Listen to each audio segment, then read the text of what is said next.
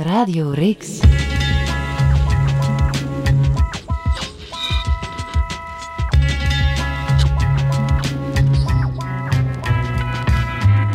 Welkom op Don Vitalski's Antwerpen in de jaren 90. Een podcast van Heb ik jou daar? Goedenacht of goedemiddag, beste luisteraar. Welkom op de vijfde aflevering van deze legendarische podcast Don Vitalski's Antwerpen in de jaren 90. We zitten in Cinema Rix in de Grijspeerstraat in Deurne en voor ons nooit hebben mevrouw Chris van Kamp. Goeiedag. Dag Vital. En mevrouw Ingrid Veerman. Goeiedag of goeienacht. Ja. De eerste die gaat ons van alles vertellen over de media in Antwerpen en de tweede over de bossen, dat punkrockgroepje. We beginnen met Chris van Kamp. Mevrouw, waar was jij in het begin van de jaren 90? In het begin van de jaren 90 uh, ik, woonde ik denk ik op de, op de Italië-lei in Antwerpen. Maar ik had bijna zo een gevoel dat ik een circus had, want ik woonde ergens drie maanden. Ik maakte dat helemaal in orde en dan verhuisde ik terug. Een, uh, een, iets dat heel anders is nu, bijvoorbeeld. Het is ongelooflijk hoe je eigenlijk met gewoon een deftige jas aan te doen... Uh, en, uh, en beleefd te zijn, dat je zomaar een appartement kon huren zonder dat iemand vroeg, heb jij een vaste job? Uh, uh, ga je hier morgen nog zijn? Heb jij wel er stond alleen in het contract dat je, genoeg, dat je meubels genoeg moesten waard zijn om een jaar eigenlijk je huur te dekken. Ja, de immobiliën waren veel betaalbaarder in de jaren 90 in Antwerpen. Ja, Waanzinnig, hè? Ja, ook er was veel meer. Het was allemaal op vertrouwen. De eerste keer dat ik in Antwerpen een, uh, een appartement huurde, was meteen op de Van Rijswijklaan over het uh, bouwcentrum, uh, toen nog gegeten, Antwerp Expo. En, en dan was ik 19. Dus wie zou nu aan een kind van 19, want nu ben je dan precies een kind, uh, een appartement verhuren uh, in zo'n residentiële buurt? En je deed dat gewoon, dus... Misschien is dat wel een Europese trend. Hè? Ik denk dat overal in Europa in de jaren 90 dingen, huizen betaalbaarder waren. Hè? Ja, niet alleen betaalbaarder, maar je geraakte er ook aan. Nu, moet je, nu is het ongelooflijk hoe dat je moet een soort van door een... Uh, je moet bijna solliciteren om een appartement te mogen huren. Ik ga eens even direct vragen aan Ingrid Veerman. Jij bent van Wilrijk. Ja. Maar je hebt gestudeerd in Antwerpen, op de UFSIA, zoals dat nog netjes heette. Zat je dan op kot of moest je op en af? Ik ging op en af. Ik heb eigenlijk nooit op kot gezeten. Dat is wel ja. jammer. Ja, ik woonde er dichtbij.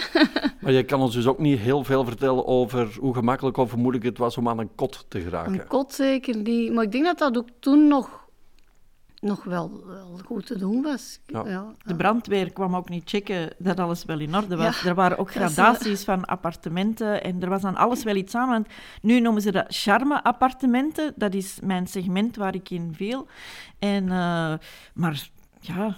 En hoe kwam je aan de kost, Chris van Kamp? Ik, ik was altijd al freelance... Ik werkte in reclame veel. Daar stapte ik in, zoals in comfortabele uh, sloeven eigenlijk. Uh, daar was altijd werk in. Vooral als je een Nederlandstalige copywriter was, dan had je zoveel werk. Als je, minstens als je een werkwoord in een zin kon zetten, was dat goed. En zonder viel er ook soms mee. Nu, voordat je in die carrière inwandelt, misschien toch even terugspoelen. Dan zitten we natuurlijk in de jaren tachtig. Maar uh, jij, van, wat heb je gestudeerd? Communicatie, maar eerlijk gezegd... Waar? Uh, aan de VUB. En uh, jij zat toch in een beroemde klas, hè? Ik zat in een beroemde klas, vooral omdat uh, mijn eerste kennismaking met de VUB werd ik onthaald door Yves de Smet, die uh, in alle toonaarden ontkent dat hij prezes van die persclub was. nu, omdat net zo van die studentenverenigingen in een slecht daglicht zijn gesteld en hij wou er niks meer mee. Maar ik heb hem gezien, het is op mijn netvlies gebrand, met een, gigant, pet met zo van die speltjes op, een gigantische klep. De grootste klep was de prezes. Dat is een ongeschreven wet. Dus ik weet zeker dat hij dat was. En, uh, en, en hij onthaalde ons en hij zei... Je moet niet denken dat je hier journalist gaat worden. En in mijn klas zat dus Frank van der Linden, die is dan zanger geworden, maar toch ook eerst langs de humo gepasseerd. Serge Simonard, de journalist der journalisten. Uh, en Jan Holderbeken is nog een nieuwslezer geweest. Harry Schram, die is uh, dan van Groen nog politicus geweest, maar schreef ook voor alles. Dus eigenlijk was dat een... Uh... Dus je zat in een beroemde klas. Ja, Marleen van Oetsel, ondertussen overlevende, ook een politica geworden. Maar toch in ieder geval, het was Yves de Smet die zelf nog in zijn laatste jaar zat dan. En die ons dan beloofde dat we daar eigenlijk alleen maar kommer en kwel mee op de nek gingen halen. Misschien kan ik dit toch ook even doorkaatsen naar Ingrid Veerman, later Bas cursisten geworden van De Bossen. Ingrid, jij bent eigenlijk begonnen, en dan zitten we ook nog in 89, in de PIVA, de bakkerschool. Ja. Was dat daar tof? Ja, ik was er eh, een paar keer het enige meisje van de klas. maar ik kwam toch altijd beter overeen met jongens. En uh, dat was tof en ik, was, ik wou er eigenlijk wel in verder gaan. Misschien voedingsleer, misschien nog wel iets erna doen. En toch maar wij jij- hadden een hele goede leraar Nederlands, Mark van Damme. En eh, die heeft mij helemaal warm gemaakt om, eh En om Germaanse dus- te gaan doen. Ja, zo is het dus gekomen dat jij in 1990 op de NIF zat en dat jij Germaanse deed. Dat bestaat zelfs niet meer, hè, die richting Ah ja, Germaanse. Maar dat wil dus zeggen taal en letterkunde. Welke talen? Eh, Nederlands, Engels, het veiligste. Zeg, en eh, waarom dat er nu toch een parallel is, ook jij zat in een beroemde klas. Ja, ja, ja. Kun je dat eens opluisteren voor onze aandachtige luisteraar? Ja, Met ik denk dat de jij? allerberoemdste eh, een Tom Waas was. Hè. Die Tom eh, Waas? ja, ja. Die heeft één jaar Germaanse gedaan. En dan is hij ermee gestopt. Is hij maar één jaar? En wie nog? Ja. Ehm, Tom Leenaerts. Tom Leenaerts zat in diezelfde beroemd. klas. Ongelooflijk, hè? En, eh, en Arne Tjollen heb ik ook nog wel zijn naam zien verschijnen. Maar dat waren ook drie die heel grappig waren. In, eh, Wie is Arne Tjol ook alweer? Ja. Is ik dat heb die nog eens een op de af, af, ding, ja, ja, de Aftiteling. aftiteling gezien van, van denk dat hij toch ook bij de redactie van eh, VRT iets deed. Maar die was eigenlijk ook...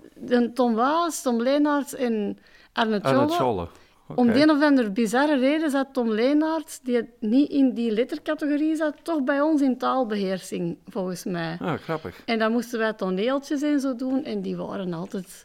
En soms zaten de eerste en het tweede jaar samen en dan zat ook nog eens Wim Helzen in jouw ja, klas. ja, Wim Helzen, ja, ja, ja.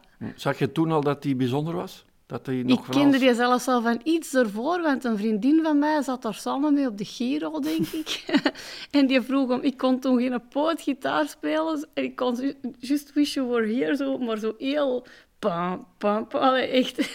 maar die vroeg, dat ik Wim Helzen, die vroeg altijd maar... Speelt nu nog eens Wish You Were Here voor mij, want Oh. je kunt dat zo goed. Maar ja...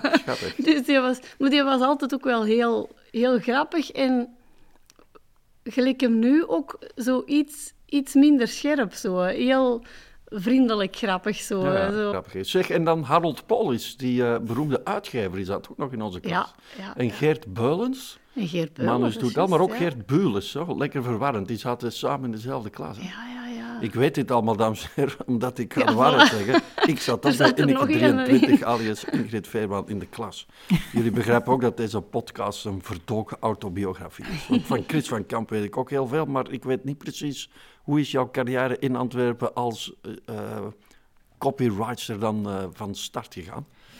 Ehm, Tenminste, als zich dat afspeelt in de negentiger jaren. Nee, tuurlijk niet. Want ik, ik ben op mijn zeventiende thuis weggegaan en dan moest, je, wa- moest ik zelf bedruipend zijn. Eh, Maar we en, moeten eh, wel naar de jaren negentig. Ja, ja, maar daarom zeg ik, zo is, daar zit het niet begonnen. Dus ik zat al heel lang in reclame, wat toen echt een goudmijn was als je een zin met een werkwoord in kon maken. Want Ja, er was ja. een enorme behoefte aan Nederlandstalige copywriters. Want heel het, zelfs in Antwerpen, in die bureaus, werd er heel veel Frans gesproken. En de klanten, dus het was een heel, heel anders. Dat, dat evenwicht moest helemaal nog veranderen. Eh, in business was er heel veel eh Franstalige mensen die Dat daar... is eh, knettergek, dat lijkt ja. wel alsof je Ja. in de jaren 50... Dus, eh, dus dat was fantastisch als je dan een Nederlandstalige copywriter was. Want ten eerste hadden die geen affiniteit met wat je geschreven. Dus die zei, ja, het is vertaald, het is goed. En, eh, en toen verdienden mensen, denk aan Nick van Bruggen en zo, die reed rond met zo'n dichter, eh, ook dichter, die reed rond met zo'n eh, flamboyante rode sportauto. Die hadden allemaal villa's. Maar wat ik deed was, telkens al, na drie jaar, dan eh, kreeg ik daar een soort van indigestie van, van hoera, hoera, de nieuwe boter is daar en zo van die dingen. En Coca-Cola en zo. En dan al dat geld dat ik daar dan mee verdiend had, want je verdiende echt, echt, echt goed, dat eh, stak ik dan in een project. En ik wou altijd, ik dacht altijd, als ik een column wil, moet ik een krant beginnen. En ik begon dan magazines. Ik, was een, ik maakte graag magazines. Dus eh, ja. En welk magazine eh, is dan het meest noemenswaardig dat jij in de jaren 90 hebt uit In de jaren gestampt? 90 was het Trips and Travel. En dat was een reisblad eh, dat uitkwam voordat er een boom was van reisbladen. Want er was zo Grande en weet ik wat. Dat is allemaal daarna gekomen. Allemaal eigenlijk met mensen in die toen ook meededen aan mijn reisblad. Dus ik was Dus een altijd een beetje te vroeg. Ja. Ze hebben jou eigenlijk een beetje nageaapt. Die ja, ja wij waren, ik moet wel zeggen dat ik die markt verkend heb. Waar was jouw redactielokaal?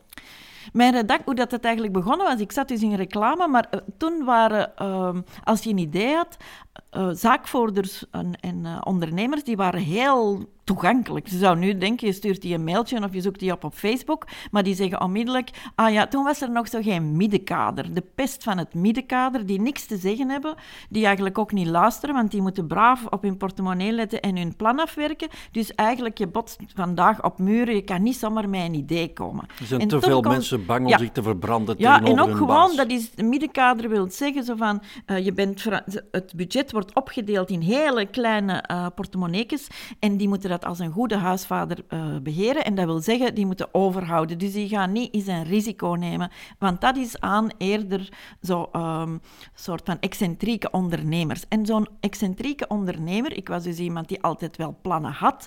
En ik stapte er dan ook in zo'n naartoe. En zo'n excentrieke ondernemer was Eddie Hernoult. En die had Krijg je die nog eens? Eddy Hernoult. Hernoult? Hernoult, ja. En was dat een Antwerpenaar? Dat was een Antwerpenaar. Waar zat hij? Een man met felle blik op de autolei. En die had zowel SkiWorld als Sunworld. En dat waren uh, heel goedkope reizen. Dus dat was echt massatoerisme. En SkiWorld, dus die huurde dan een, uh, uh, hotels af ergens in de bergen in Frankrijk, in Oostenrijk, weet ik waar. Die huurde die af. Die legde er zijn eigen bussen naar in eigenlijk. En die, had ze van, die, die prijzen waren zo laag en dat was all in. Je maar wat gebeurde er dan? Je moest wel je skis soort van onder je arm steken en, en met je valies op schoot zitten, want in die koffer zaten soms uh, 100 kilo mosselen, want die deed aan ruilhandel heel veel, want dat was heel makkelijk. Dus, maar hij had dus dat reisbureau, maar echt, uh, moet ik zeggen, het was de moeite. Hij maakte van die hele lelijke folders, alleen heel flashy met grote prijzen op, maar dat had dat ook nodig. Maar ik dacht ook aan mezelf en ik dacht, ik wil een reisblad maken. En raar genoeg wist ik die man warm te maken. Ik had ook van die laarzen tot over de knie. Maar toch, ik was zijn type niet, want hij was zo voor die uh, hostessen, die gingen ook met die mosselen mee die bus op. Hostessen met van die... Hostessen en mosselen. Ja, van die bleke, bleke uh, zo, uh, lipstick, zo, hè, zo van die glow-in-the-dark bleke lipstick en blond allemaal. Die moesten blond zijn. Dus ik was een type niet, maar toch, door mijn drive kreeg ik aan hem verkocht dat we samen een magazine gingen maken. En het opzet was dat daar ook nog anderen gingen in adverteren, zodat hij een gratis gratis magazine en drager had voor zijn uh, folders. En als je met die man vergaderde, was dat dan op de autolijn? Of ja, dat was de ergens- autolijn. Dat was gewoon een soort van een villa die iets te dicht bij de baan stond, zo aan het rondpunt van Weinigem. Hè. Stond een beetje verder, stond er, misschien staat er nog, een groente-fruitkraam en met noten en zo. En daar ging je dan smiddags uh, snoep halen. Want je kon in die tijd niet mailen, dus ik neem aan dat je heel veel vergaderde en samen zat en samen Nee, kwam. ze lieten je ook meer doen, want niemand had zin. Want eigenlijk vergaderingen, de eerste keer dat je vergaderde, dus dan zat je daar een half uur bij en dan die liet je komen om 11 uur, zat je een half uur bij en dan zei hij, weet je wat, het interesseert mij, we gaan een stukje eten. En dan stapte in die zijn auto en dan reed hij naar een restaurant waar ze zei, ah meneer Ernold, daar is uw tafel, want die kwam daar elke middag, want mensen vergaderden in restaurants. Kijk, dames en heren, nu ga ik iets ongehoords doen. Ik spring zomaar over naar Ingrid Veerma, gewoon om de polyfonie in ere te houden, hoewel dat een helemaal ander thema is. Aan de andere kant, droeg jij ook hoge laarzen, Ingrid? Ehm, Als je examens moest doen? oh, nee. Dat was niet daarvoor, hè. Dat was standaard, hè. Het is dat, ja, Ah, ja. dat zal Ja. uw stijl geweest. Nee, ik, ja, wel, ik, ik bleef ook bij mijn eigen stijl. Ik, ik was toen nogal into hippie, zo. Ik was echt een hippie en ik ging met een in frennen geknipte t-shirt naar examen doen. En ja, ik, ik vond dat dat er niks mee te maken. Allee, ik, wou dan, ik ging dan eerder nog een beetje verder voor te provoceren om, om te zeggen, het gaat over de inhoud. En wat voor professoren waren dat die examens van jou afnamen? Welk was de slechtste professor, mogen we nu wel zeggen, van de jaren 90? Ah, wel, Van wie eh, wil je absoluut geen les meer krijgen? al- ja, dat is nog iets anders. Ja, ja, dat is waar. Want de, eh, alhoewel, die ene, oh, al goed dat je in mijn klas zat, je kunt me misschien helpen, die dat er English, po English poetry Ah, ik vond die goed. Hugo Roefaerts. Die heeft Ja. ook eh, boeken gepubliceerd over poëzie, T.S. Eliot poëzie. Hugo Roefaerts, een goede, goede professor. Ah, wel, Maar wel zo'n echte jezuïet. Ufsia was natuurlijk Sint Ignatius. Hè? Dat, dat voelde je nog, echt die katholieke adem. maar die had zo ook zijn eigen, zijn, zijn eigen dingen. Die, die zei bijvoorbeeld over, alhoewel, Hij zei altijd, eh, you, there are pubs enough here in the neighborhood if you're not interested in poetry. Ja, ja.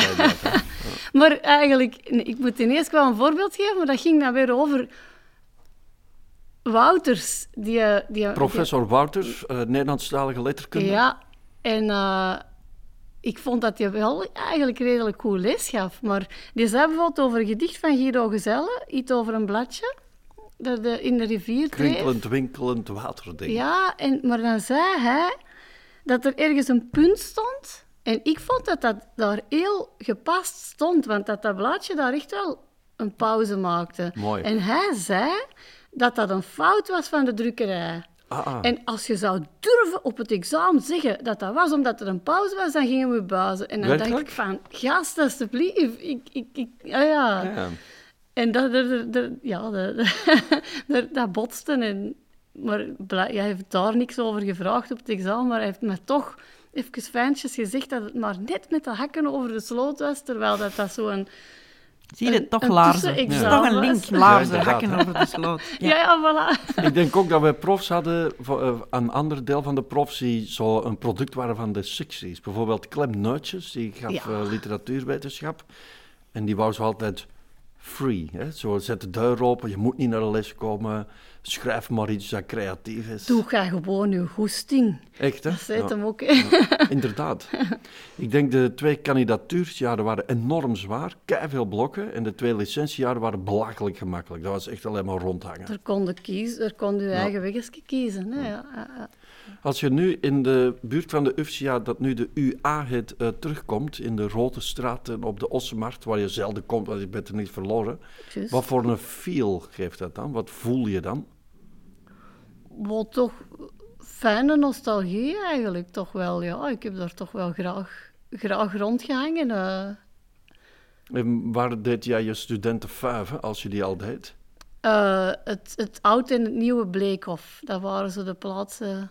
Ik denk dat dat niet meer bestaat. Oud Ik Bleekhof. zou het niet weten. Nee, dat is dus in de, was in de Prinsenstraat. Moet Dat je kan. kelder in. Goh. En dan organiseerden we, ik weet niet of dat- die, die term nog wordt gebruikt, TD's. Ah ja, dansant. ja. Ja. Ja. Ja.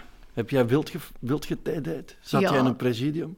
Ik Was zat soort zelfs in het presidium. Ik, wou, ik, ik- weet ik, ik, kwam, ik kwam zo uit een wereldje in de PIVA waar dan niemand ging studeren en zo. En ik wou er zo in dan ook wel echt bij horen. Zo.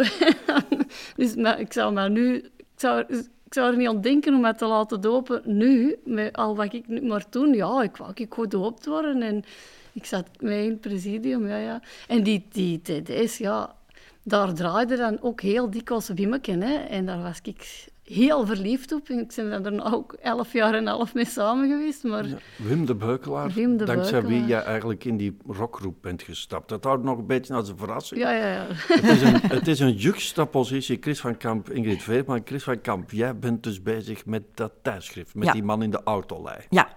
En ehm, dus eh, die denkt dat ik een perfecte drager voor zijn eh, goedkope reizen ga maken. Je ziet, dames en heren, dat werkt hoor, zo'n kruisbestuiving. Ja, tuurlijk.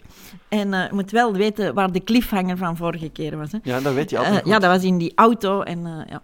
en dus ik kreeg op zijn parking een soort van container.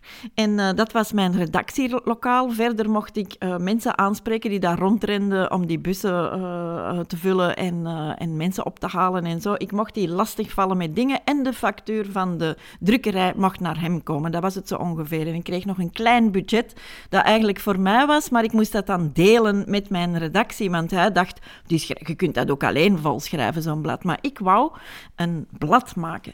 Dus ik... ehm, Kunnen we dat ook eens eh, in een kadertje zien? Wie was jouw redactie? Zitten daar auteurs bij die we nu nog kennen? Of zijn die allemaal Ja, onbekend gestorven Nee, ondertussen? nee, nee. nee. Eh, ik moet zeggen, ja, om, ik was toen nog eh, bevriend met eh, Serge Simonard en, ik, en Frank van der Linden kende ik ook nog. En ineens was, kwam er vanuit eh, Humo kwamen er een heleboel mensen eh, over naar mijn reisblad. Want het leuke daaraan was, ik had wel niet veel budget, maar in die tijd hoefde, je hoefde maar een mail te sturen. Dat bestond dus al wel. Een mail te sturen, of was het een fax? Het zou wel een fax, zijn geweest. ja, tuurlijk. Een fax te sturen. Hè. Eh, Chris van Kamp, je zit nu toch in 94 Ik of zo, zit, ja, ja, tuurlijk. Maar, ja, oké, maar dat is zo dat je zou zeggen, ik nam mijn laptop en dat het een een uh, Scheidegger typemachine was. Oké, even... brrrr.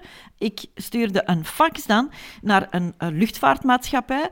En, als je, en ik eh, deed daar een kopie van, van het, de cover van het magazine bij. En je mocht, kom daarvan op aan dat je twee vliegtuigtickets kreeg voor zogezegd fotograaf en journalist. Die fotograaf was natuurlijk die journalist zijn lief, dus die kloog niet dat ik geen geld had om die te betalen voor de... En zo, iedereen schoof eigenlijk aan, want bij mij waren mooie reizen te krijgen. Dominicaanse Republiek, Paaseiland, dat was, dat was Schrijf er eh, een artikeltje over en je kan er naartoe. ja, maar ik wou wel, het ding was wel, ik had liever dat een goede pen, dat was, dat was mijn ding. Ik geloofde, eh, de, het de ondertitel van het magazine was eh, Vreemd gaan voor thuisblijvers. Want ik geloofde erin dat iemand die echt op reis gaat, die koopt een reisgids. Een reismagazine, dat is reisvervangend. Dus wou ik ook, want toen de Wat een reispers... mooie filosofie. Ja, maar toen de reispers, die schreven, eh, die schreven gewoon de hotelfolder over. En die, degene die het meeste eten had gegeven, die had de meeste sterren. Dus, en dat wou ik niet. Dat waren echt hele, allemaal mensen met een eh, leverprobleem toen. Allemaal mannen bijna. En, eh, Die en- allemaal te veel dronken, bedoel je? ja, ja, tuurlijk. Die werden overal als ganzen gevoederd. Hè, ja. Zo, voor, voor die ster meer in dat magazine te hebben. Dus, en ik wou echt een magazine maken. En ik, en ik had liever dat een sterke pen dat die over zich dus een bolder schreef, een dagtrip, dan dat iemand naar de Balearen ging en daar de hotelfolder over schreef. Je hoort het, hè, dames en heren, er zit iemand met een visie. Hè? Je Ja, ja, maar dat is altijd, dat is vervelend, vervelend. Dat over Er belast, zitten- al die kan je visies nog een paar journalisten noemen? Ja, ja, ja, ja. Dus Kijk, bijvoorbeeld heren, van heeft een magazine kwam... voor haar neus. Hè? Eh, Ja, ja, kijk. Mogen wij eh, de cover eens vlug Ik ben zien? afschuwelijk in namen. Mogen we de De, cover eens vlug zien? de covers waren altijd heel bijzonder. Die eh, zien er zo'n beetje vintage uit, maar niet in de zin van 90, maar dat lijkt wel precies jaren de, de 50 covers, of zo. hè. nee, de covers, kijk, dat was de eerste, die was een Maar ja, beetje dat is toch een knipoog naar eh, ja, Amerikaanse magazines uit de jaren 50. Ja, ja, tuurlijk. Maar, eh, en ook, en ik Prachtig, eigenlijk... met zo'n rood kader eh, linksboven. ja, het Doe ook concept denken was... aan De Post. Ja, Ken je dan nog dat concept- magazine? ja, dat was een must toen voor een magazine. En iets of wat Marcel respectabel Tilt. magazine had zo'n blok. Marcel van Tilt op de cover. Dus, In Zuid-Afrika. Ja, dus het was altijd een, een combinatie van elementen met een figuur erop en dan een achtergrondfoto van een bestemming en dan allemaal zo van die eh, rare eh, titels eigenlijk. Zo over... eh, Lapland was dat dan het noorden gevonden. wat, wie, wie zoekt, die vindt, was dan over Tunesië en zo van die dingen. En nu die lijst van die journalisten? Ja. Dus eh, van Humo bijvoorbeeld kwam Diederik van den Abelen, die zo die eh, reeksen over Cherchez la Femme maakte over. Eh, Kurt van de Malen, hun, hun film recensent, ja. kwam over. Voor de rest had... ik recruteerde ook mensen uit de kunstwereld. Annemie van Kerkhoven deed daar aan mee. Heeft hij daarvoor geschreven? Ja, Jos van den Berg Heeft daarvoor schreef daarvoor. geschreven? Ja.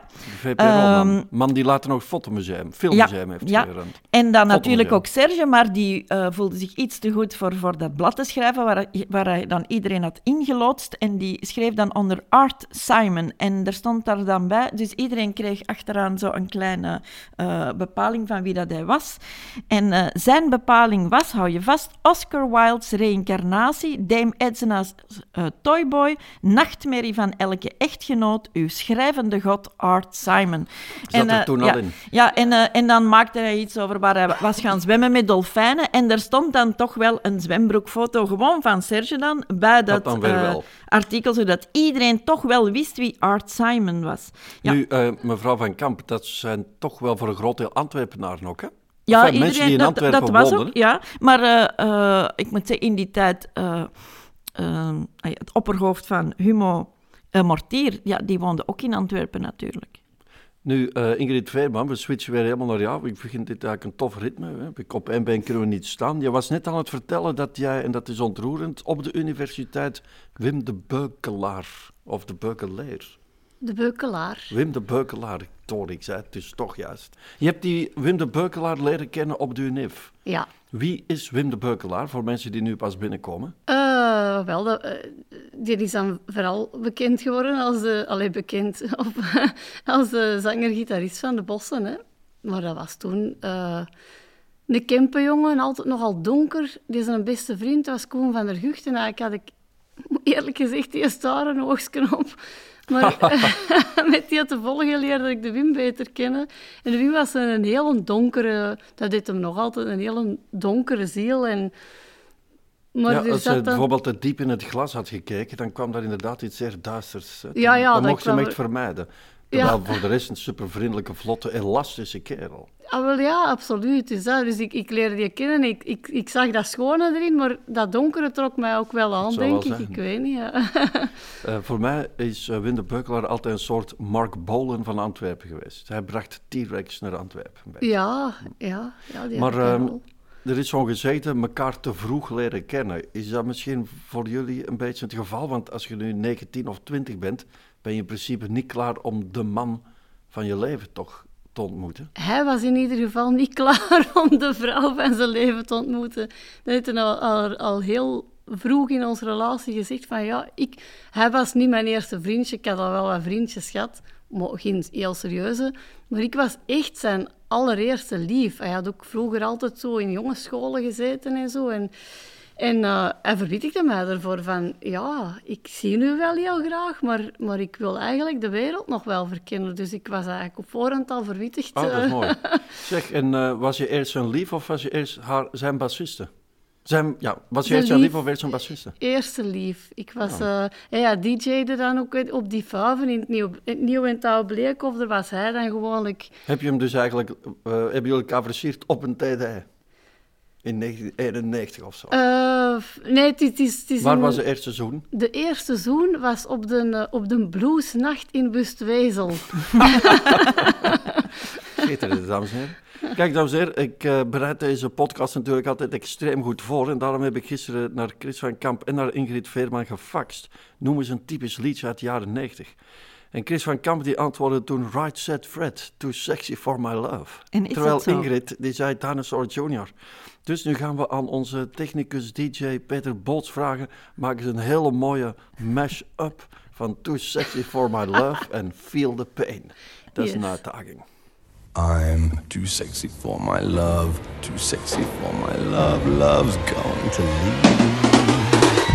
I'm too sexy for my shirt, too sexy for my shirt, so sexy. It hurts. I'm too sexy for my man, too sexy for my land, your poor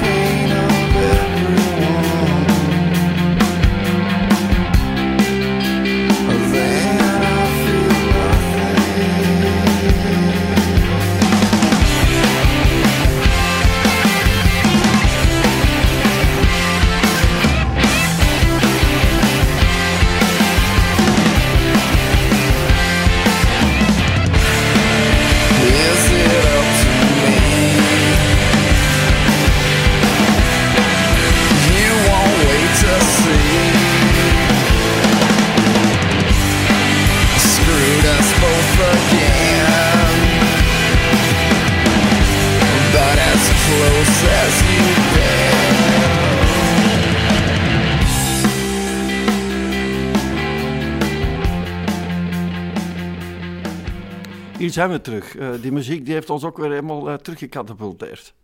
In die tijd, waren dat goede tijden, Chris van Kamp? Als ik er nu op terugkijk, wel. eh, toen had ik vooral ook nog wel een soort van heen en weer geslingerd, tussen levensdrift en levensangst, moet ik zeggen. Dus ik ben blij dat ik daarvan af ben. Maar de omstandigheden voor iemand zoals ik, die graag ondernemend is en perspectief heeft en dingen doet, ja. Het Die, gevoel eh, dat alles kan, dat was er echt. dat gevoel van angst, had dat misschien ook te maken met Antwerpen, dat soms toch een claustrofoob iets is. Deze kwam in de jaren 90 met een single One Advice Space. En ik dacht altijd, dat gaat eigenlijk over ons Antwerpenaren die als sardinen in een blikje zitten in dat regenachtige klimaat met die betonnen gevels hier overal. Is Wel- Antwerpen niet een beetje angstaanjagend? Nee, eh, wat er angstaanjagend was, en dat is ook misschien waarom dat ik altijd zo eh, na drie maanden naar een andere plek verhuisde, ik had snel het gevoel dat iets verbrand was. Dat kon een relatie zijn, dat kon zo negativiteit, daar was ik echt voor op de vlucht, omdat, ik, omdat dat mij enorm veel energie kostte en ik had die nodig om te overleven. Want ja, ik stond... Als je freelance bent, dat is van alle tijden, dan ja, ben je aangeschoten wild. Want heb jij in die tijd ook veel mannen te vroeg leren kennen? Eh, nee, want ik heb nu het gevoel, als ik erop terugblik, eh, niet.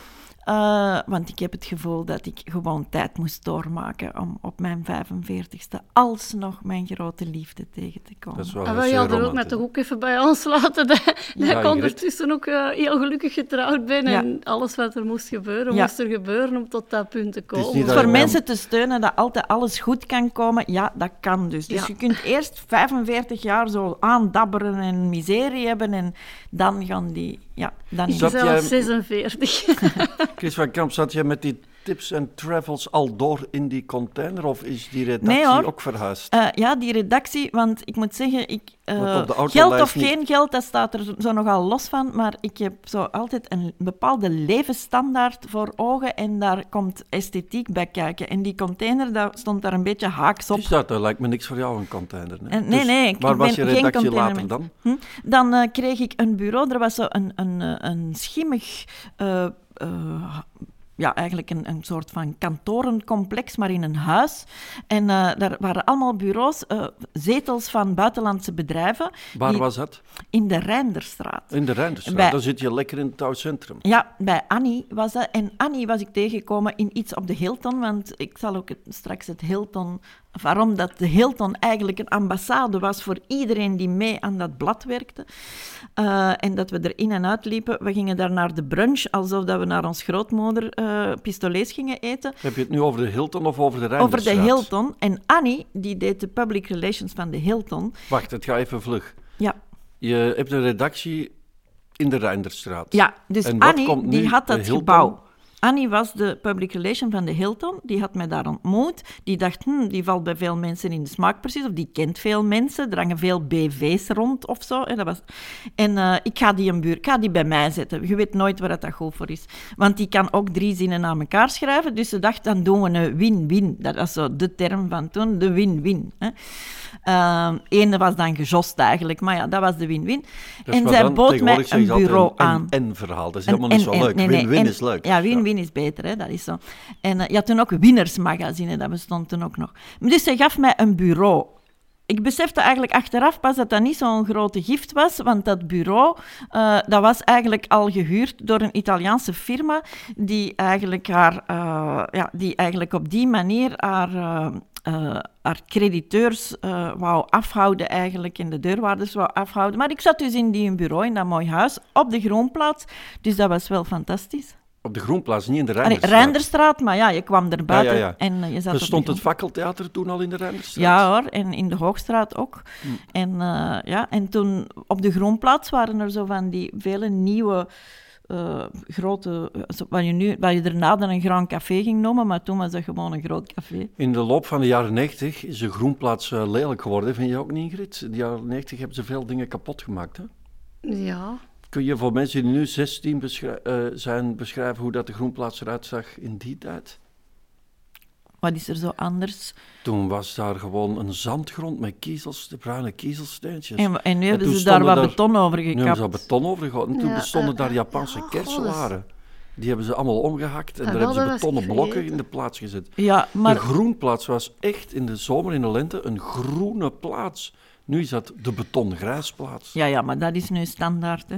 Ja, maar Ja. daar mogen we toch wel eens even bij stilstaan. Nee, nee, dat is waar. Ja, dat want is waar. Die ik pracht- herinner mij ook, want dus in die Hilton komen, dus die, die speelde altijd die voorgevel uit met die serre eigenlijk. En inderdaad, dat zag er heel groen en eh, precies zo'n botanische tuin ervoor. En dat was dan inderdaad de groenplaats, ja. Ja, ik was dat even vergeten dat ze dan inderdaad een bepaald... Dat is al in de jaren 90 dat ze, dat ze daar gingen graven voor die garages te maken. En dat ze er dan nog een hoop schedels hadden boven gehad. Omdat dat vroeger ook daarvoor nog een kerkhof was geweest. En dan weet ik nog dat er dan een foto in de gazet stond van punkers die met zo'n schedel shotten waren. Ja, Maar De bunkers op de was, groenplaats, eh, die zijn ook verdwenen. Ja, hè? ja, dat is juist. Ja. Ah, ja. Eh, over bunkers dus gesproken, want dan gaan we zometeen toch nog eens horen hoe dat met het Hilton Hotel Ja. zit, want daar weten we het fijne niet van. Ik hoop dat eh, niemand er is afgesprongen zoals in het Hilton in Amsterdam.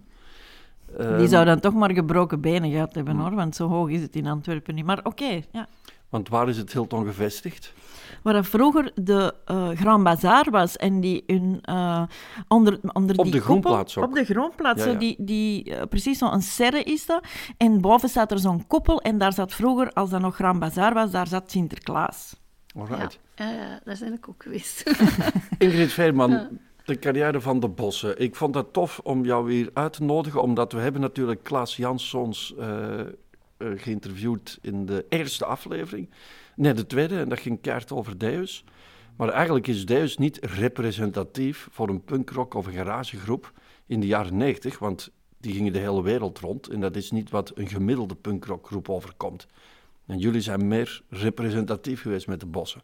Van wanneer tot wanneer hebben de bossen hun belangrijkste wapenfeit eh, gepleegd? Ah, wel, ehm, Als je dat nu op Wikipedia zou zien. Ehm, ik denk 95 dat wij zullen. Het was. In ieder geval eh, rond. Ik denk dat ons laatste. Ja, dat was eigenlijk zelfs niet ons laatste. pla- Die Feel the Beating. Hoeveel platen heb je uitgebracht? Wel, eerst een mini, een mini, alleen een EP'tje. Eh, daar stond Speed Queen al direct op, dus dat was eh, Big Bang Machine heette dat. Ehm, eigenlijk als je naar ons namen van ons platen kijkt, dan dat was een hele goede naam, Big Bang Machine. We beginnen eraan en we waren ook de eerste release op Kinky Star. En dan kort daarna is er een volledige LP gekomen, de Girl Collection. En daar zijn wij bij, via de VPRO en zo toch ook wel buiten België, Nederland vooral, maar, maar dan ook getoerd met Dit Moon.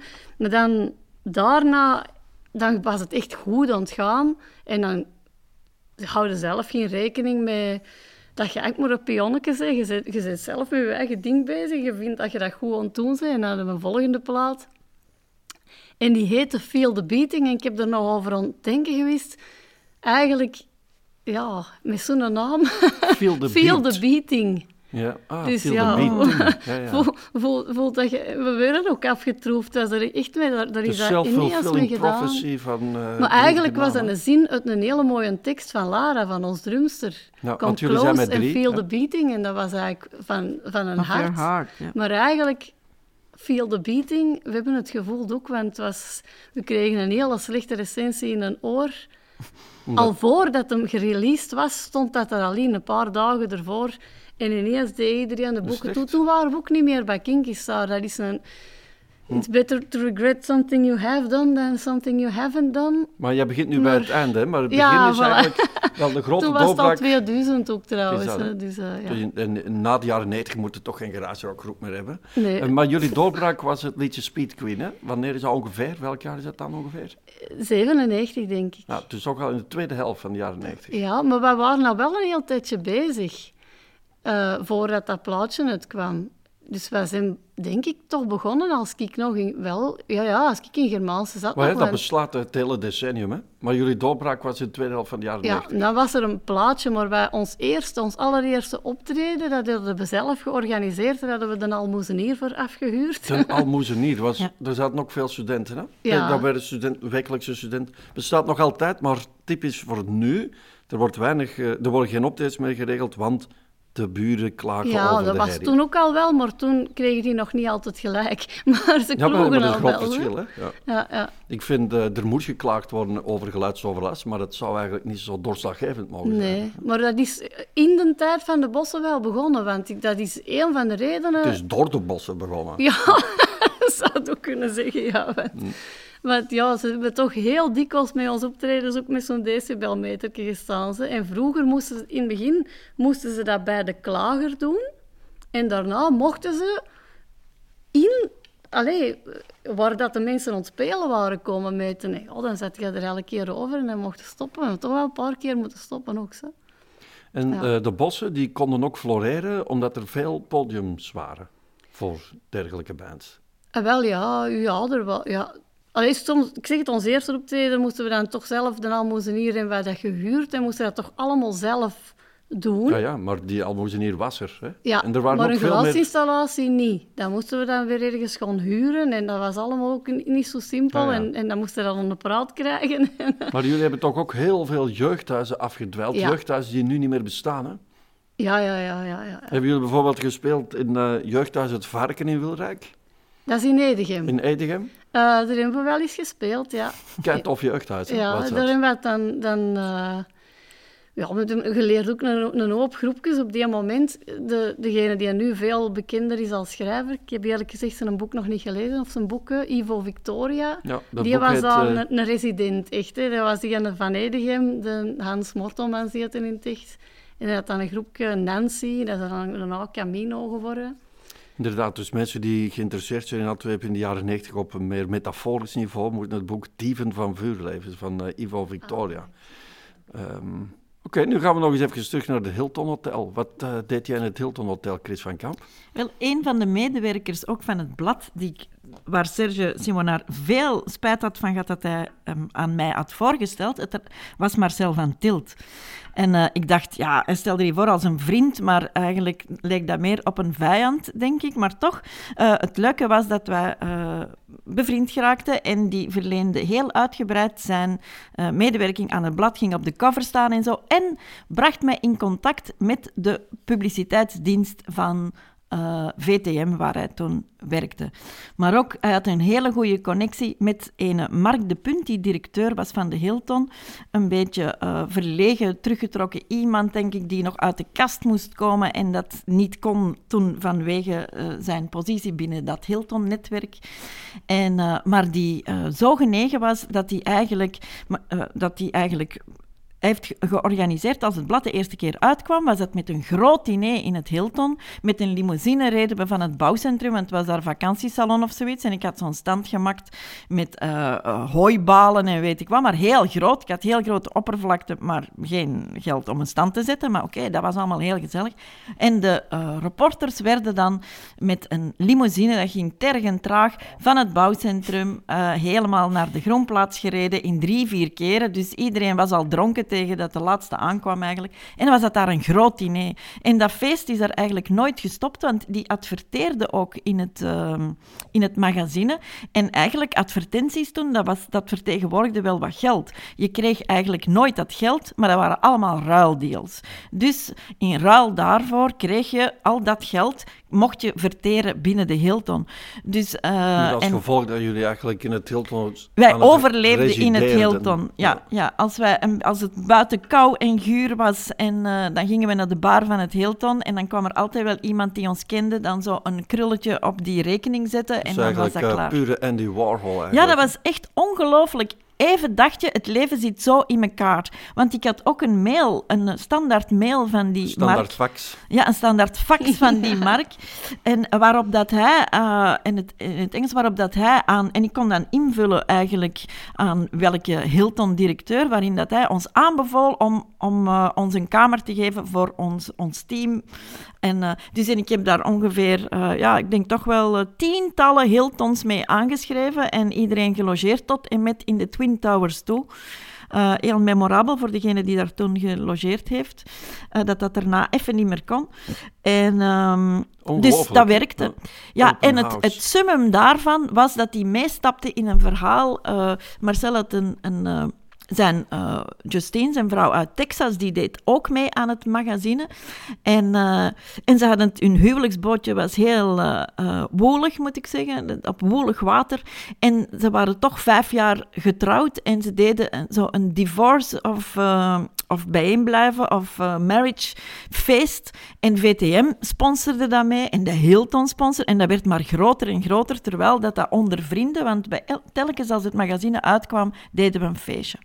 En zo in het thema van het nummer. En dat idee van die Heaven and Hell was ontstaan op de Priscilla Queen of the Desert Five in zaal Jacob, waarin dat iedereen in drag was. Ik ook trouwens. En Waar is alweer zaal Jacob? Zaal Jacob is niet ver van de Groenplaats. Staat dat nog? Nee, denk uh, ik, Nee, ik denk, het, ik denk het niet. Dat is zo die straat waar de tram, uh, waar de tram doorrijdt om zo aan de, wat is dat voor een of andere markt. Anyway, laten we nog eens proberen aan echte geschiedschrijving te doen. Dat uh, tijdschrift, en dat dan zomaar kon en zoveel mogelijkheden zag, oriënteert zich dat een beetje binnen de boom van magazines die de jaren negentig gekend heeft. En dan denk ik aan Riffraff, Gonzo Circus, Nee, dat uh, kwam daarna eigenlijk. De Nina, ineens Nee, want het concept dat nog moest komen waren de gratis bladen. Uh, buiten, want bijvoorbeeld, je had al, al eeuwen had je exclusief, die de nacht van exclusief deden en zo. Maar dat soort van media-ondernemers waren er in Antwerpen veel. Er waren altijd wel mensen die, als wisten dat je schreef en veel veel volume kon maken eigenlijk, uh, die op je afstapten en zei, ah, ik wil een magazine maken en het gaat Antwerp this of Antwerp dat heten. En het, het moest altijd, uh, er moest altijd wel een advertentie van een diamantair in en weet ik wat en zo. Dus en, en... Maar hoe heb, hoe heb jij je dan als tijdschriftenmaakster verhouden tegenover die magazineboom? Die er toch echt wel was? Ja, die dingen, die dingen dat, was, dat was niet erg. Ook bijvoorbeeld, had daar, ja, dat was goed dat dat er was, dat kader eigenlijk. Uh, want zo kon je, kwam je met mensen in contact en, en, en kon je zelf... waren er meer tijdschriften dan, dan dat er content was. Hè? Ja, maar dat is zoals één restaurant, daar is het moeilijk om mensen naartoe te krijgen, maar als er veel magazines zijn, dan, dan kopen dus- mensen ook veel... Kijk naar Nederland nu. In Nederland, die hebben nog altijd 40 titels magazines gewoon, die mensen van Fleur tot weet ik wat allemaal zin. Alle, die hebben alle, allerhande en nog meer over, over tuinieren en boeketten maken. En hier, elke week lijken er titels weg te vallen. Je hebt ja, bijna geen magazines meer. En dus dat verarmt als dat er... Dus dat was niet erg. Bijvoorbeeld, uh, Ingrid Veerman, heb jij met de bossen geprofiteerd van de rifraf? Van de rifraf hebben we zeker geprofiteerd. Kan je eens even voor mensen die nu 14 zijn beschrijven hoe dat blaadje eruit zag? Ja, dat was zo'n een, een gazetteken eigenlijk. Hè. Iets kleiner dan een gewone krant. Uh, en ja, de... Het stond vol platenbesprekingen. Vol, platenbesprekingen en concertbesprekingen. En heel chaotisch heel... opgemaakt was het. Ja, ja, maar ja, dat was een rock'n'roll, denk ik. Dat was inderdaad uh, chaotisch. Uh... En ook heel democratisch. Hè? Dus je had dan besprekingen van de nieuwste Moby, de nieuwste Portishead, maar ook maar, gewoon groepje achter de hoek, interview voilà, van drie stonden daar dan gewoon tussen, of die kregen zelfs een heel artikel. Uh... Was je bevriend met journalisten van de Rifraf? Wel, de Bart, want gisteren wist ik het niet meer aan de telefoon. Bart Cabanier heette die. Die, uh, die naam zegt me wel ik, iets. Ik ja. denk dat hij er nou gewoon, want die was toen denk ik ook al boswachter. Ik denk dat die, de, en die, die had echt wel boswachter een en journalist. Ja, en dan boswachter. Ineens valt me dan valt ah, ja, me een frank. maar uh, die, ja, dus die had wel een boontje voor ons. En die... Uh, ik zeg het, die is op een, op een optreden ergens in Vilvoorde, waar we een soort wedstrijd hadden meegedaan. En we hadden gigantische ruzie. Ja, er was ook... Er heeft mij ook een tijd uh, met Lara zo hadden uh, zijsprongetjes gedaan. En zo. En dat, ik denk dat het daarover ging. Dat, we dat is voor een zanger heel moeilijk, hè? een vrouwelijke bassist en een vrouwelijke ja, drummer. Ja. Laten we aan de commitments denken. Hm. Maar, we, ah, maar het, was, het was in die tijd ook wel werd dat, werd dat rock and roll genoemd, dat dat kon, hè, zo gezegd. Ik, ik moest uh, Het is jaren achteraf... voor de hashtag MeToo, hè? Ja, ja. En dan op, op die moment was dat van... Zeg, dat is toch, dat is toch rock and roll gewoon. Allee, dan moet het toch gewoon cool vinden. En uh, hoe, hoe, mogen we dat weten? Hoe, hoe reageerde jij dan op? Heb je dan het kot afgebroken of gewoon stilletjes gewend? Of hoe is Eigenlijk vind ik, nu, vind ik dat nu lelijk. Ik was toen vooral op Lara heel kwaad, omdat ik Ja, dat klopt niet, maar dat hem graag menselijk. zag, maar eigenlijk was hij de grote schuldige. Als je... Natuurlijk, Maar ik was ja. eigenlijk toen vooral ja, op mijn concurrenten kwaad. Maar kwaad, ik heb ook geprobeerd, omdat eh, Wim is een, een redenaar, hè. Die, kon, die kon mij er helemaal van overtuigen dat dat eigenlijk wel oké was. en dan moest ik, eh, ja, dat, ja, dan probeerde ik dat tof te vinden. Maar, Eh, nog terug naar die magazines. Ehm, de fotografen floreerden dan ook goed, want die moesten ook van de ene tijdschrift naar het andere reportages maken. En de cover van jullie eerste cd, dat is een foto door Guy Kokke. Eh, ook zelfs extreem de fo- 90s. de foto van ons eerste, tweede en derde. Hoe kwamen jullie bij van Guy Kokke terecht? En wel, toen, we waren toen de Wim was een grote fan van allerlei eh, Amerikaanse gitaarrock. En er was één eh boekingskantoortje, de Foundation, van Peter Verstralen. En die boekten al die mensen. En een zei, als we, Antwerps, Antwerps boeker? ik denk dat die in Hoven woonden of zo. Dus toch, ja. En Wim zei, als we daarbij geraken, dan kunnen we misschien van alle voorprogramma's doen, van al die goede Amerikaanse groepjes. Dus wij waren daar, daar een cassette, gewoon een cassetje was dat nog maar, eh, gaan, gaan afgeven. En die ging toen juist overstappen om naar Werchter, met, met Werchter te werken, dus dat was veel te groot. Die ging de foundation opdoeken, maar die had eigenlijk wel we hadden die wel overtuigd, die vond het wel goed. En die zei, oh, je moet naar de Guy Kokke gaan en eh, zorg dat hij een goede foto maakt. En dan st- stikte dat bij je demo en dan doe je mee aan de rockrally. En dan die eerste foto, dat was eigenlijk... waren de eerste foto's van de Guy met ons de, de leukste. Want dan zei hij van, oh, god, die is in mijn bad zitten.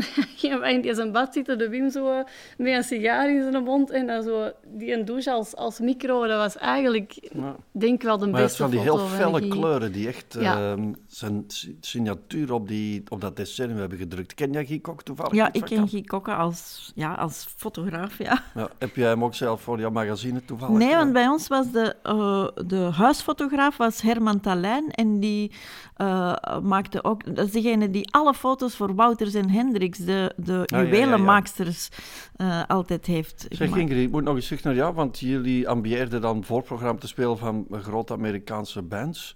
De grootste is toch wel, je, kun je dat eens helemaal tot in detail vertellen? Jullie hebben ooit het voorprogramma gespeeld voor Motorhead. Ja, ah, wel, maar dat is zo, dan, dat is op de moment dat je eigenlijk al een beetje een product bent. Want we hadden toen een boekingsagent, eh, Steven van Toe Partout. En die had ook aanbod gekregen. En dat hebben we dan daarna van Kurt Overberg van de AB gehoord, als het al te laat was, om ons te laten spelen voor Violent Femme. En dat vonden wij fantastisch. Maar dat had hij gewoon verzwegen, want ons plaat was toen nog niet uit. Dus dat was niet het juiste moment voor ons om een voorprogramma te doen. Want voor de productverkoop was dat niet... En er, zal, oh, er, er, er een gigantische ruzie over gemaakt. Maar dat Motorhead, ja, dat was de kans, hè, de bossen voor Motorhead. Maar die was mensen, dat? was in de AB ook, in de grote zaal. En we hebben ons nog nooit zo Playmobil gevoeld. We, waren zo, ja, we moesten echt van voor op dat podium ons geriefje zetten. Zo, en dan achter ons totaal dat gerief van, eh, van Motorhead. En ja, En Als je voor een jullie kleiner goed? Vond Lemmy Motorhead jullie goed? Die gitarist die was heel vriendelijk, maar de Lemmy, die, wij zaten gewoon te babbelen in, in, in een backstage. En dan ineens kwam er een van de AB. Zeg, mannetjes, ehm kun je, kun je mij even volgen? Ik kon al in een andere backstage zitten, want de Lemmy is gestoord door een gebabbel. En we waren nu helemaal niet ontroepen of zo, hè, maar dat... En ik had dan ook van een paar grote Motorhead-fans dingen meegekregen van, kun je dat laten signeren? Maar, eh, dat maar je moet van Lemmy niet verwachten dat hij vriendelijk is. Hè? Nee, nee, maar, maar ook niet, allee, ja, zo... u beha- Allee, ik, ik, ik vond dat helemaal niet het leukste optreden dat we ooit hebben gedaan. Dat was zo, ja... Dat moet zal je leuker hebben gevonden. Ja, en dat hebben we dikwijls genoeg mogen doen, gelukkig. Dames en heren, we gaan luisteren naar de bossen zelf met een... eh, sorry, eh, Ingrid, dat het nu weer dat liedje is. Het liedje Speed Queen.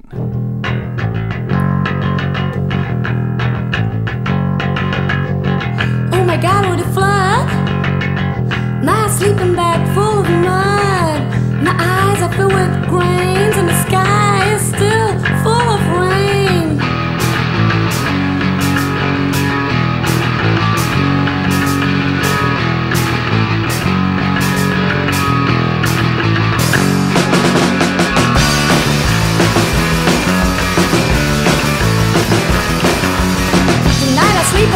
States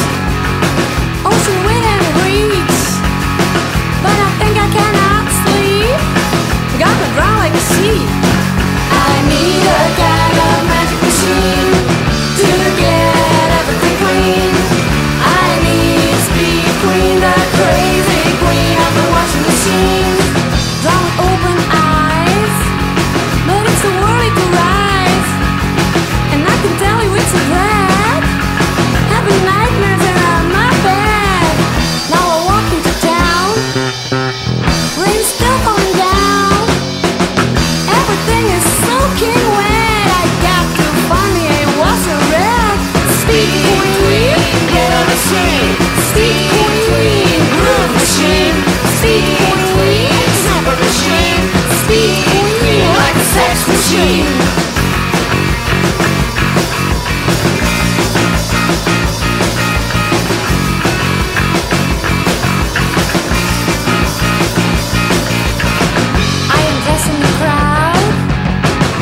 turns me inside out. Wooden bodies stop me cry.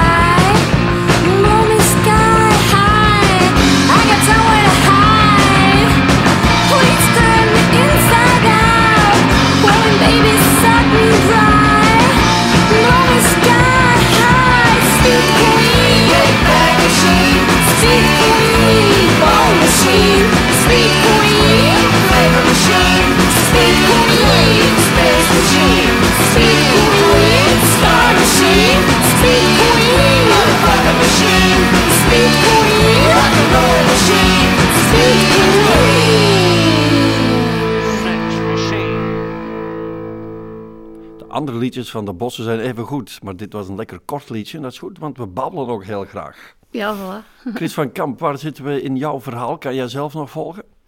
Ja hoor, het eh, waren woelige tijden, dus dan moest je altijd eh, zo de, truc met de Chinese bordjes doen. Je moest die allemaal tegelijkertijd draaiende houden. Maar iets wat er vooral naar boven kwam, is dat eh, Antwerpen één groot web was van dingen. En, eh, en dat de ene mens altijd tot de andere leidde. En dat, dat eigenlijk, je moest geen planning maken, want die kwam eigenlijk naar je toe. Iemand die ook meedeed was eh, Willy de Kwit. En Willy de Kwit, die is... recent overleden, maar dat was de bezieler van Stormy Monday, de oudste rockgroep van België, die de eerste eh Torhout, denk alleen Torhout, want Werchter is er daarna bijgekomen, de eerste Torhout Werchter, zeg maar, geopend hebben het eerste uur. En van waar zijn die? Eh, in het Antwerpse. Ah, ja. en, eh, en die speelde nog, maar nu dat Willy overleden is, is een beetje zo, ja, het hart eruit gehaald. En ik weet niet eh, dat Stormy Monday.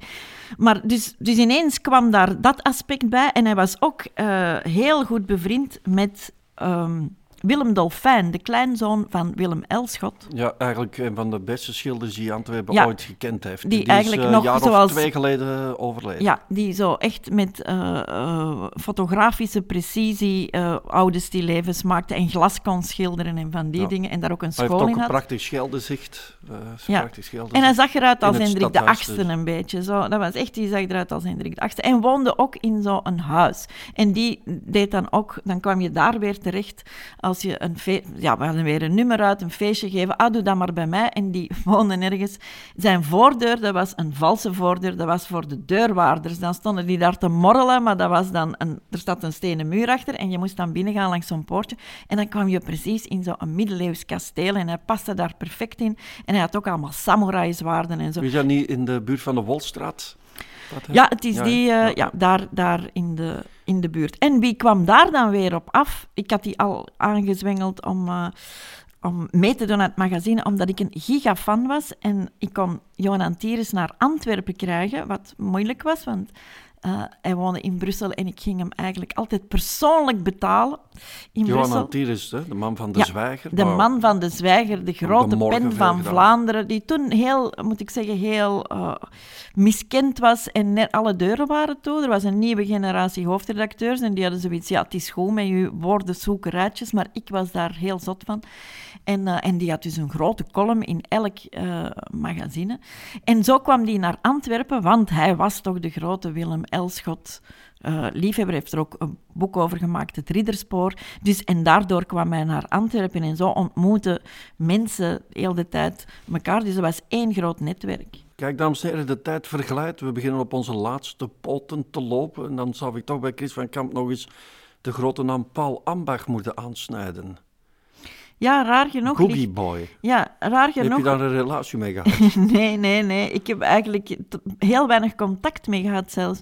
Maar hij ligt wel aan de basis dat ik nog snel op het eind van de jaren 90 eh, als internetpionier ben uit de grond geschoten Kan je eigenlijk. in één zin zeggen, waarom is Tips and Travels gestopt, jouw reismagazine? Eh, ik heb dat zes nummers volgehouden, een jaar. Dat is ongeveer hoe lang dat iemand wou investeren in iets dat voor hem niks opbracht. Oh, één jaar, maar ik dacht eh, enkele nee. jaren. Nee, nee, Oh, nee. nee. amai, is Zes, gebeurd. zes nummers. Zes nu de kaap van zes nummers, dat, is echt, dat was toen zo... Je gaf zes nummers van iets uit en of het werkte of het werkte niet. Maar die kans kreeg je wel om zes Ah, ja. nummers te maken. En dat was wel wat, want ik zal zeggen, de, de drukprijs, een gemiddelde oplaag, dat was 700.000 frank.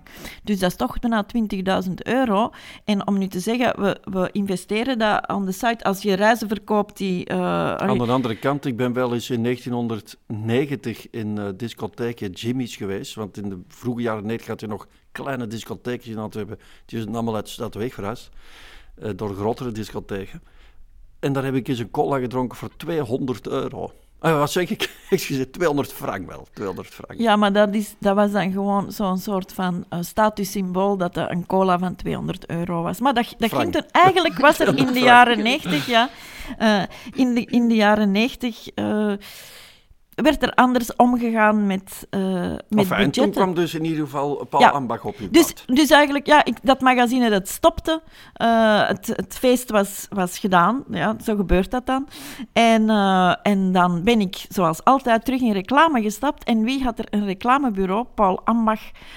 Want die had het opgezet omdat hij Disney's World on Ice had en zoveel dingen, dat hij eigenlijk een te grote klant was voor, een, voor het aan een reclamebureau te gunnen. Dus hij maakte zijn eigen reclamebureau. En twee van mensen waren... Wat een self-made man toch? Ja, ja. En, eh, maar eh, dat heette TMC, Tailor Made Communication was dat. En ik werkte daar als copywriter voor, omdat daar mensen zaten die mij al van mijn achttiende kenden als copywriter en die mij altijd overal meenamen. En, eh, en zij, dus Paul Ambach ging dan uit dat reclamebureau, dan, die zijn, zijn pad ging weer elders. En, ehm, en ik was daar echt een continu copywriter. En op een goede dag zei ze van, goh, we hebben iets dat je graag gaat doen. En, eh, en we gaan een internetsite maken. En ze hadden er allemaal sponsors voor, maar zo echt zo Coca-Cola, Renault, weet ik wat, allemaal zo echt grote KBC. Dus er werd allemaal zo ook op, nog op een etentje, want dat was nog een beetje de stijl, hadden al die eh, directeurs geld in een pot gegooid, want ze gingen zo een beursgenoteerd product maken, want dat, dat was toen. Hè. Ze dachten dat iedereen, een, elke site ging beursgenoteerd worden en dat was zo de dotcom-bubbel. Dus, en zij begonnen daarmee en zij vroegen mij om dat te vullen eigenlijk. En, eh, en ik dacht, ja, oké, dat is de next step. Dat is dan een magazine online. En weer vol, voltrok zich hetzelfde. Dus dat moest een drager zijn voor Coca-Cola, voor, eh, voor eh, Bacardi Martini en zo. En over uit gaan gaan, maar dat interesseerde me eigenlijk geen hol. En... dus eh, weer betrok ik een- het residu van die mensen erbij, weer Kurt van de Malen, weer al de cultuurroos eigenlijk. En ik maakte, want het was meteen met webtv, ik maakte het eerste webtv-zender eigenlijk, eh, een Dat kan magazine je dus wel met mooi op je palmarès zetten, hè? Chris van Kampen Ik heb dat tien de jaar gedaan, pionierswerk in eh, internet, televisie. Ja. In de tijd dat als je een filmpje wou bekijken, dat je eerst een kwartier moest De renderen. meeste mensen hadden nog een telefoonlijn. Ik weet, ik vroeg dan ooit aan experimenteel jeugdwerken, want dat was het enige loket waar ik kon aankloppen. En ik vroeg daar subsidie aan aan en die hadden dat geweigerd. En dan kreeg je nog één kans om zo te komen zeggen ze van, wilde toch niet doen. En de vraag was, wat is de relevantie van internet voor Vlaanderen? En ik ben daar zo uit mijn dak gegaan, dat ik boos ben buiten gegaan. En, eh, en gezegd, je moet dat omdraaien, wat is de eh, relevantie van Vlaanderen voor internet? En dan hebben ze mij terug binnengeroepen en dan heb ik zo'n klein subsidietje gekregen. Eh, maar dat was een heel avontuur. Maar in dat begin, dus bijvoorbeeld KBC... Was, er, een- was er een redactie voor King Kong? ja hoor, er was een, dat was echt Want- een professionele dan is dat toch redactie. King Kong geworden? hè? Ja, dat is Die King... Ja, eerst heette dat fun2go.net.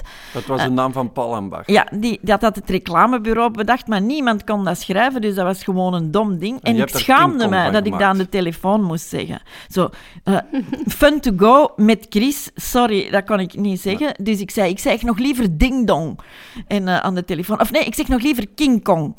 En zo begonnen we King Kong te zeggen aan de telefoon. En dan heb ik dat overgenomen, want na 2000 was er niemand meer in geïnteresseerd. Want ja, dat was een bubbel, hè. Dus, dus dat bracht geen miljoenen op. Er was geen verdienmodel. Nu hebben bubbels natuurlijk juist heel veel Ja, succes. ja, nu wel natuurlijk. Nu heeft ze dat zin gekregen. Maar eh, zo, ja, en vanaf toen zijn we echt in video alles wat cultuur was beginnen documenteren. En eh, ja, Waren de jaren 90 een toffe tijd? Toffer dan vandaag, Chris van Kamp? Om jong te zijn, wel ja. Ik vind het nu heel erg. Mijn dochter, eh, die in 97 geboren is, die is nu 23 dus. En iedereen eh, houdt van zijn tijd, denk ik, of legt zich erbij neer dat dat zijn tijd is. Maar in haar plaats vind ik het heel erg dat zij niet dezelfde vrijheden kent die ik had en, en, en niet ten onder moet gaan aan de... allee, het minste dat je iets grillig doet, dat je er nu gewoon aan ten onder gaat. Dat wordt niet toegelaten. Hetzelfde eigenlijk met... eh, dat is dan vroeg, maar hetzelfde bijvoorbeeld als je eh, brossen... Ik bedoel, iedereen broste vroeger. Ik ging in vrijdagnamiddag niet naar school, omdat mijn lief op de academie zat en die had dan verlof, dus dan ging ik ook niet. Nu zou de politie dan aan je deur op, eh, staan. Anona de Wijver is het spijt me wel terug aan het eh ja, ja, dat is waar. Maar het Ik moet voor het goede eh, doel zijn en niet voor de seks. Ik zou nog één stukje taart willen eten, ook met Ingrid, met, met jullie allebei. En dat gaat over het volgende.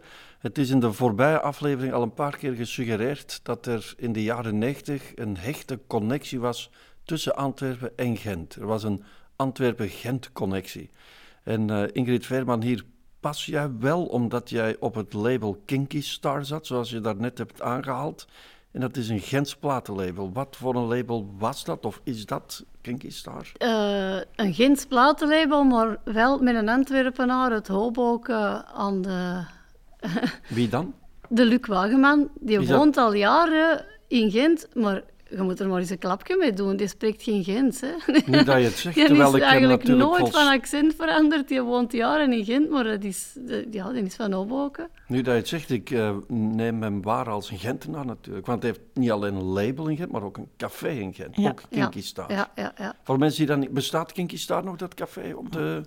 Als het, al, als het nog bestond, dan denk Nee, ik dat nu niet gaat Nee, overleven, zal vrees niet. ik. Ja, niet overleven. Ja, Maar ze hebben problemen gehad. Ze waren een VZ2. En dus het café, denk ik, dat ook een VZ2 was. En een label. En op een bepaald moment hebben ze eh, met eh, zo belastingen en dingen heel veel... eh, dat werd niet meer getolereerd. Zo, die speelmarge van... We beginnen iets, want nu heeft iedereen het altijd over... Er zijn pop-ups en, en er zijn start-ups. Maar die waren er toen ook. Alleen werd dat zo niet genoemd. En was het veel makkelijker. Alleen, nu een start een pop-up, ja, dat eindigt. En iedereen zegt, ja, dat, dat is zo. Maar als je toen iets begon en dat stopte, dan was je mislukkeling wel een beetje. Dus dan moest je zien dat je snel iets anders had. En dan, dan was het terug goed. Dan waren mensen opgelucht dat ze konden zeggen, ah ja, dat is Chris en die doet dat. Dat was wel zo. Alright. Ingrid, weet jij iets van de loopbaan van dat platenlabel, Kinky Star? Jullie waren de eerste. Ja, dat weet ik wel. We waren, ehm, Big Bang Machine was Kinky Star 001. Dus dat was voor, voor, voor Luc ook iets echt nieuw uitproberen. En voor ons ook heel nieuw. Dat was ook ons eerste plaatje.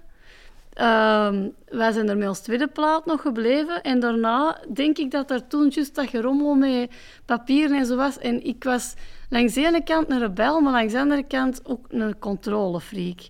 en ik was de enige van de bossen die ook die rijbewijs heeft gehaald om, om niet in de prak gereden te worden door een broer van Lara, waar we eerst mee mee reden. Maar ik deed ook de boekhouding. Ik, niet omdat ik dat leuk vond, maar omdat ik vond dat dat moest gebeuren. En daar, liep, daar begon al een beetje stroef te lopen. Bij Kinky Star was dat ene chaos. En bij mij was dat nog geprobeerd om dat in, in orde... Maar ik was dan om te wachten op facturen en alles. En juist op die moment kwam dan... ehm, Play the Again Sam af met, met je of bla bla bla. En, eh, en dan wij, zijn wij overgestapt voor, voor die the Beating van Kinky Star naar Was het een geen emotioneel, idee was dat een emotioneel iets? Was Luc Wageman droevig toen jullie zeiden we gaan naar Play It Again, Sam? Ja, en het rare was, we hadden, we hadden er al, ja, heel wat gesprekken gehad en dan uiteindelijk dat besloten dat we dat gingen doen. En ik weet nog dat ik s'nachts heb gebeld naar de Luc, maar die was toen, die was toen zat, denk ik. En eh, ik, ik was heel bang om dat te zeggen, want ik had met de Wim kop of lid gedaan van wie dat, dat ging zeggen.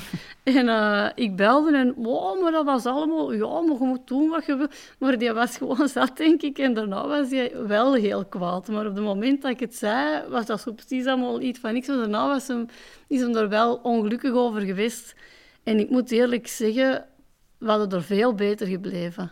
Niet dat het dan zoveel beter was gegaan met de bossen, dat had niet, maar dat was gewoon Dat was jullie eerlijk. De, de. Luc was gewoon een mens en die, en die, die vond ons leuk en die mocht de muziek dat wij ook... Allee, Ja, want dat Luc, was een had, Luc, speelde ook in, eh, Luc speelde ook in een bandje dat eigenlijk de achterneef van de Bossen zou kunnen worden genoemd. Een bandje The Sex Machine. De Sex Machine. Zo, Met de zeer griezelige Danny Mommens Ja. aan de liedgitaar. Die had ook nooit mogen weggaan uit die groep, vind ik. Nee, dat waren een dat beetje de stoetjes van Gent. Ja, dat, eh, wel ja, want wij, wij, in- zo zijn wij bij Kinky Star terechtgekomen, denk ik. Omdat wij in Leurbleu, eh, een klein café in Gent, op de Sint-Jacobsmarkt, hoorden wij ineens gigantisch geweldige muziek komen. En wat is dat, Wim en ik? En daar binnen, en wij waren helemaal...